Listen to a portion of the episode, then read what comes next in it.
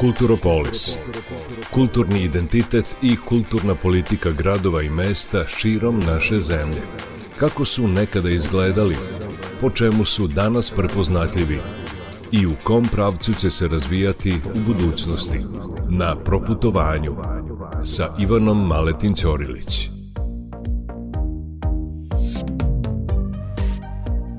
Dragi slušalci, dobroveče. Ja sam Ivana, vaš vodič kroz Kulturopolis. Nastavljam putovanje nepreglednom Banatskom ravnicom. Jedna lepa varoš, kako ju je Jovan Sterija Popović opisao, u podnožju Guduričkog vrha, najviše tačke Vojvodine, moja je sledeća stanica – Da li zbog uzvišene lepote pejzaža vinograda na obroncima Vršačkih planina ili zbog starih baroknih i sececijskih zdanja kuća u širem centru grada u kojem još živi duh Paja Jovanovića, Vaska Pope, Dragiše Brašovana i drugih njegovih znamenitih stanovnika. Zapravo u Vršac sam se uputila tragom vesti da je obnovljen jedan od najvećih vinskih podruma u Evropi, Helvecija, iz 1880. godine. Simbol zlatne epohe vršaškog vinogradarstva pretvoren je u modern turističko-vinski kompleks. Da li vršačka vinska scena dobija novi zamah? Zahvaljujući povoljnim geografskim i klimatskim uslovima za gajanje vinove loze, Vršačko vinogor je među starijim vinogradarskim područjima u Evropi. Početci vinogradarstva vezuju se još za vreme Dačana i rimske vladavine tim krajem – Prema pisanim podacima, bure vršačkog vina na dvoru Ugorskog kralja plaćeno je 10,5 zlatnika, a po ceni vina u Gudorici, vinskom selu nadomak Vršca, u to doba određivana je cena u celoj Austro-Ugarskoj. U doba Austro-Ugarske vinarstvo je postalo privredna grana i podstaklo razvoj tog kraja. Započinje priču Milena Maksimović iz turističke organizacije Vršca. Kad postajemo deo Austro-Ugarske, tri velika talasa naseljavanja je bilo i naseljavani su katolici koji su se i u svojoj postojbini bavili vinarstvom i vinogradarstvom i to je period, znači posle 1720. kad ovde vinarstvo postaje privredna grana i to je period kad se i grad zajedno sa tom privredom razvija, jer ne mogu vinari da opstanu sami, njima trebaju neki drugi zanati, trebaju im bačvari, trebaju im kovači.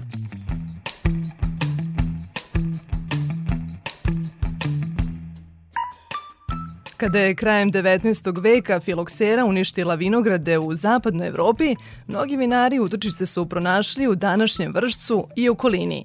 Primera radi, rekordne 1875. godine proizvedeno je 56 miliona litara vina, a Vršačko vinogorje sa 17.000 jutara bilo jedno od najvećih u Evropi. Nemamo mi ovde samo vinograde i dobro vino kao dar od Boga, imamo izuzetno ovaj, lepu prirodu na Vršačkim planinama i deo te prirode je bio uništavan, odnosno sečene su šume u nižim predelima samo da bi se proširivali vinogradi.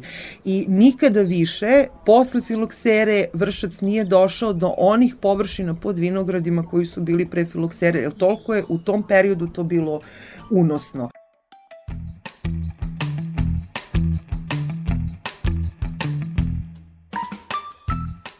Turistička organizacija Vršca od svog osnivanja 2005. godine vodi turiste na put vina Vršac-Gudorica. Posebnu pažnju posvećuje tradicionalnoj manifestaciji Dani berbe grožđa. Put vina Vršac Gudurica obuhvata i e, istorijsku priču razvoja vinarstva, vinogradarstva i naravno posete podrumima gde može da se organizuje i ručak ili večera, gde može da se organizuje i samo degustacija, zavisnosti od toga šta, šta gosti žele.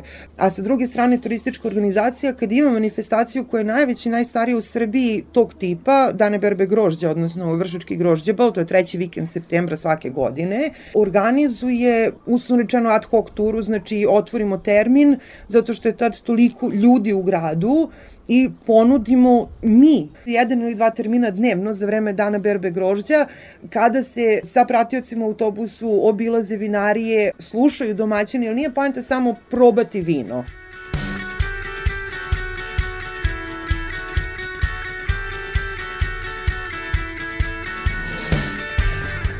Vršački vinogradi ostali su upančeni kao jedan od najvećih simbola bivše Jugoslavije. Priča se da je 1982. godine u tom kombinatu proizvedeno čak 22 miliona litara poznatog banatskog rizlinga, što bi bilo litar po glavi stanovnika naše tadašnje države. Kompanija Swiss Lion prilikom kupovine vršačkih vinograda 2017. najavila je da želi da ih obnovi i vrati na staze stare slave. U skladu sa tim, novoosnovana vinarija Drašković nastavila je da proizvodi legendarni banatski rizling, ali i obogatila ponudu. Objašnjava menadžer vinarije Miloš Kovačević nešto po čemu smo najprepoznatljiviji, to je ovaj Muscato Tonel, takođe smo počeli da radimo opet banatski rizling, ali banatski rizling koji se ovaj, pravi sa sedam različitih sorti grožđa, uh, ima geografsko poreklo, to je naše jedno vino koje ima geografsko poreklo i da kažemo država nam daje akcizne markice i tačno se zna koliko tokom godine je proizvedeno grožđa i koliko može da se proda ovaj samog banatskog rizlinga. Po meni je to jedna jako bitna stavka, jer se pre negde banatski rizling ovaj vezivao za neke masovne proslave i da to bilo neko vino nekog srednjeg kvaliteta ili nekvaliteta. Sad tačno se zna koliko može da se proizvede i to je vino sad koje može da se konzumira apsolutno i bez sode ili kisele vode.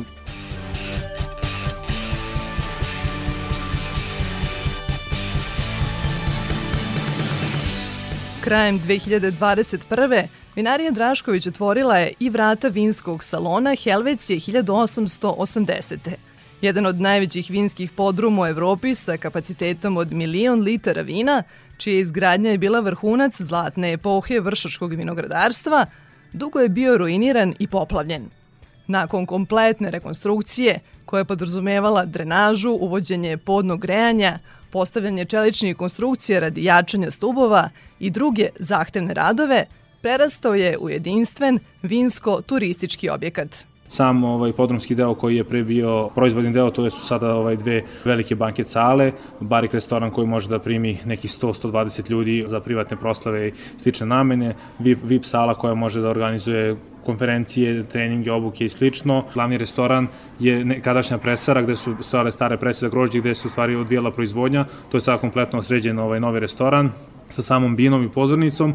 Pored toga imamo i naš vinski salon u kom služimo hranu i piće. Pored toga imamo i 10 smešnih jedinica u sklopu Helvecije i takođe imamo još 7 soba koje su ovaj, pri kraju, tako da ćemo imati ukupno 17 smešnih jedinica i moćemo da primimo oko 30-40 ljudi na noćenje ovaj, u punom kapacitetu.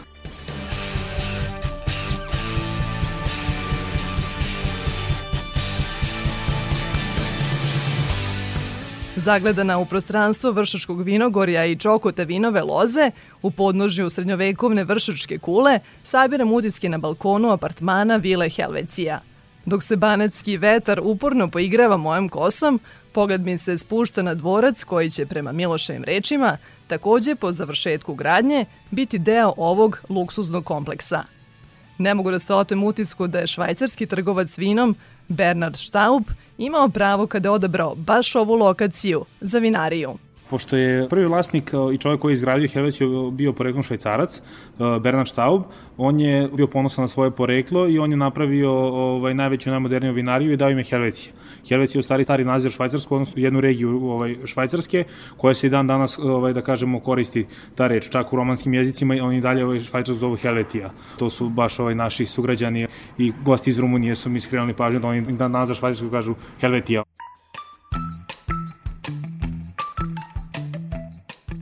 Kulturopolis.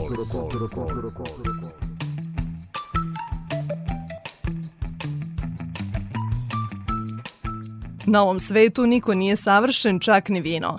Priznajem da pred dobročinstvima vina nemam hrabrosti brojati mu mane. Čovek pravi i pije vino od kad se zlatni mesec po nebesima kreće.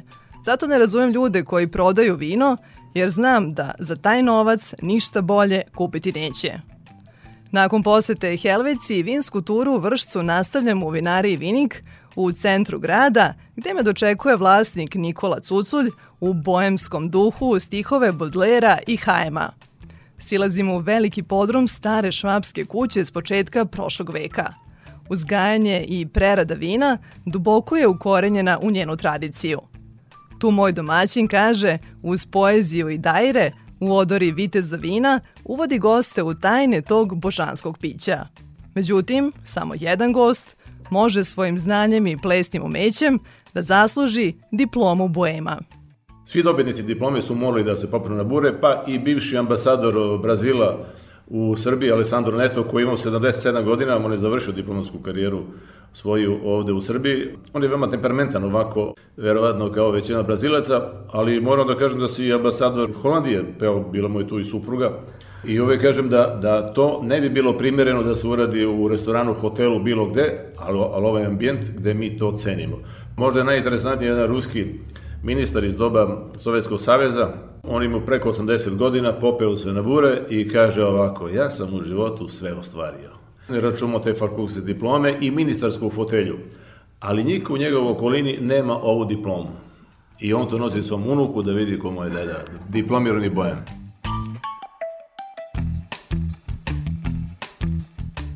Iako se na prvi mah hladan vazduh širi podrumom, moj domaćin vinskim anegdotama brzo zagreva atmosferu iznoseći na stoji čašu raslađenog belog vržolea.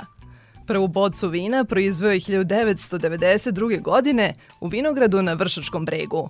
I šale mu je dao naziv Vržole, po ugledu na čuveno francusko vino Beaujolais, što su vinski sladokusci odmah prihvatili. Inače, vlasnik vinarije Vinik – koja počiva na porodičnim temeljima, osnivač je i vinskog reda Sveti Teodor. To je, kaže, jedini autohtoni vinski red koji pripada Savezu vinskih redova sveta sa sedište u Muzeju vinarstva i vinogradarstva u Parizu. Prva dva člana statuta su najvažnija, to su da su neprofitabilne organizacije koje ne imaju dodirnih tačaka ni sa verom ni sa politikom. Sačinjavaju ih oni koji mogu na svoj način da doprinesu širenju vinske kulture kratko jasno promocija vina. E, posećujemo se međusobno, međutim na, na tim gostovanjima mi ne pričamo samo o o vinima e, iz kraja odakle dolazimo, nego pričamo i o gastronomiji, i o prirodnim lepotama i time direktno utičemo eto na, na na razvoj vinskog turizma. Kad to kažem, ne mislim samo da, da se vrši da promoviše u drugom gradu, ne, nego kad putujemo u inostranstvo, praktično, praktično promovišemo i vina Vojvodine i vina Srbije. Zahvaljujući vinskom redu Sveti Teodor, vršac je i primjenu asocijaciju vinskih gradova Evrope sa sedištem u Barceloni kao jedini grad van Evropske unije. Na to podsjeća i tabla sa emblemom asocijacije na ulasku u grad. Banatski vinski red osnovan je 2005. godine u vreme vršačkih dana berbe grožđa.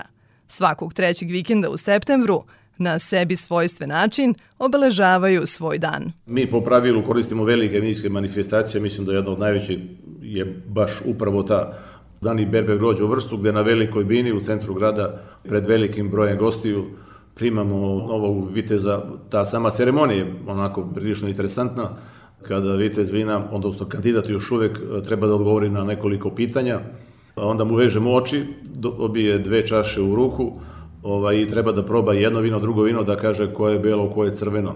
Mi se nekad šalimo, pa onda mu umesto jednog od ta dva damo roze.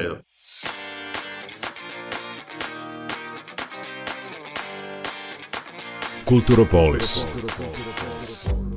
Starost je dobra samo u četiri slučaja – Staro drvo najbolje gori, staro vino je najbolje za piće, starim prijateljima se najviše veruje, a stari pisci se najbolje čitaju.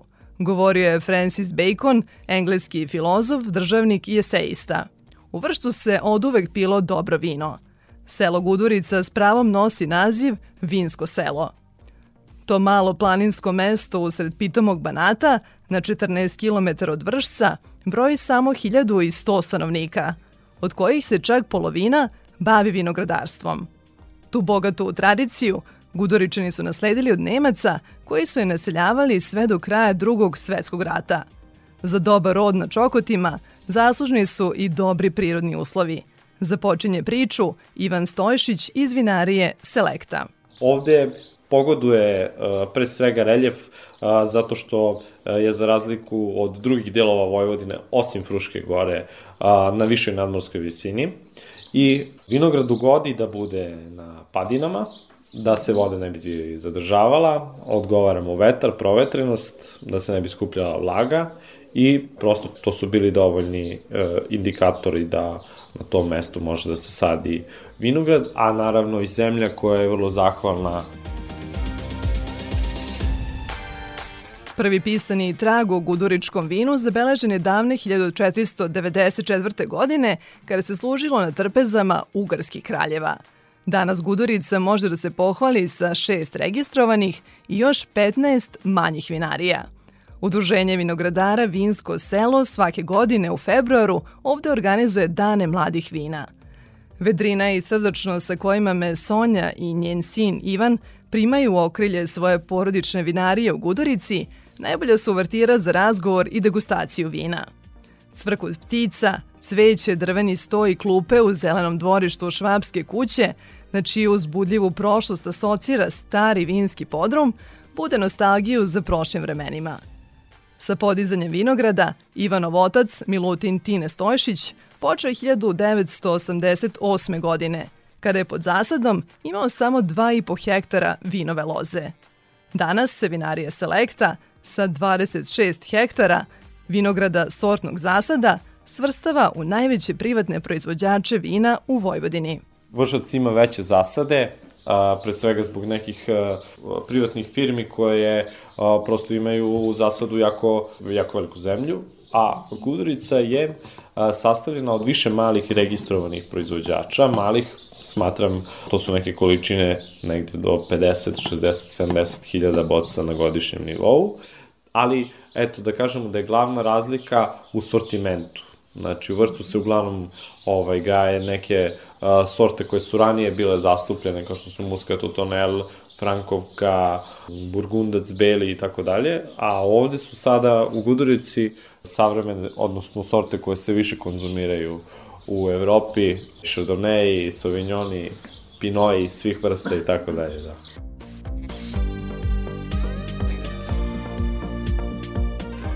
Vino Pinot Noir zaštitni je znak njihove vinarije.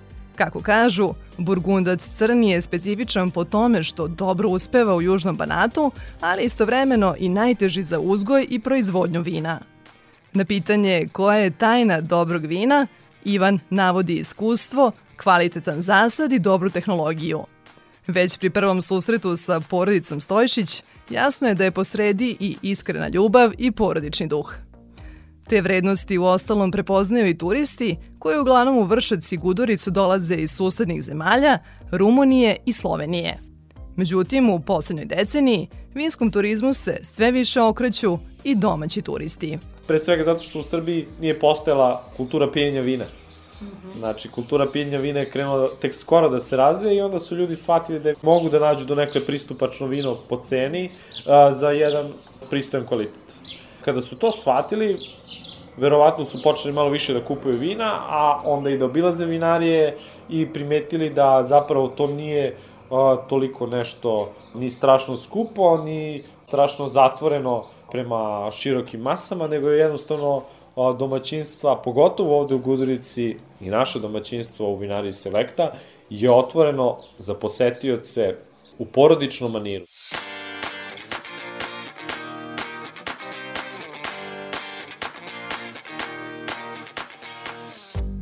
Uz zadovoljenu znatiželju da li je Vršačko vinogorje ponovo nezaobilazna tačka na vinskoj mapi, spokojno napuštam Južni Banat. Do sledećeg Kulturopolisa pozdravlja vas Ivana Maletin-Ćorilić.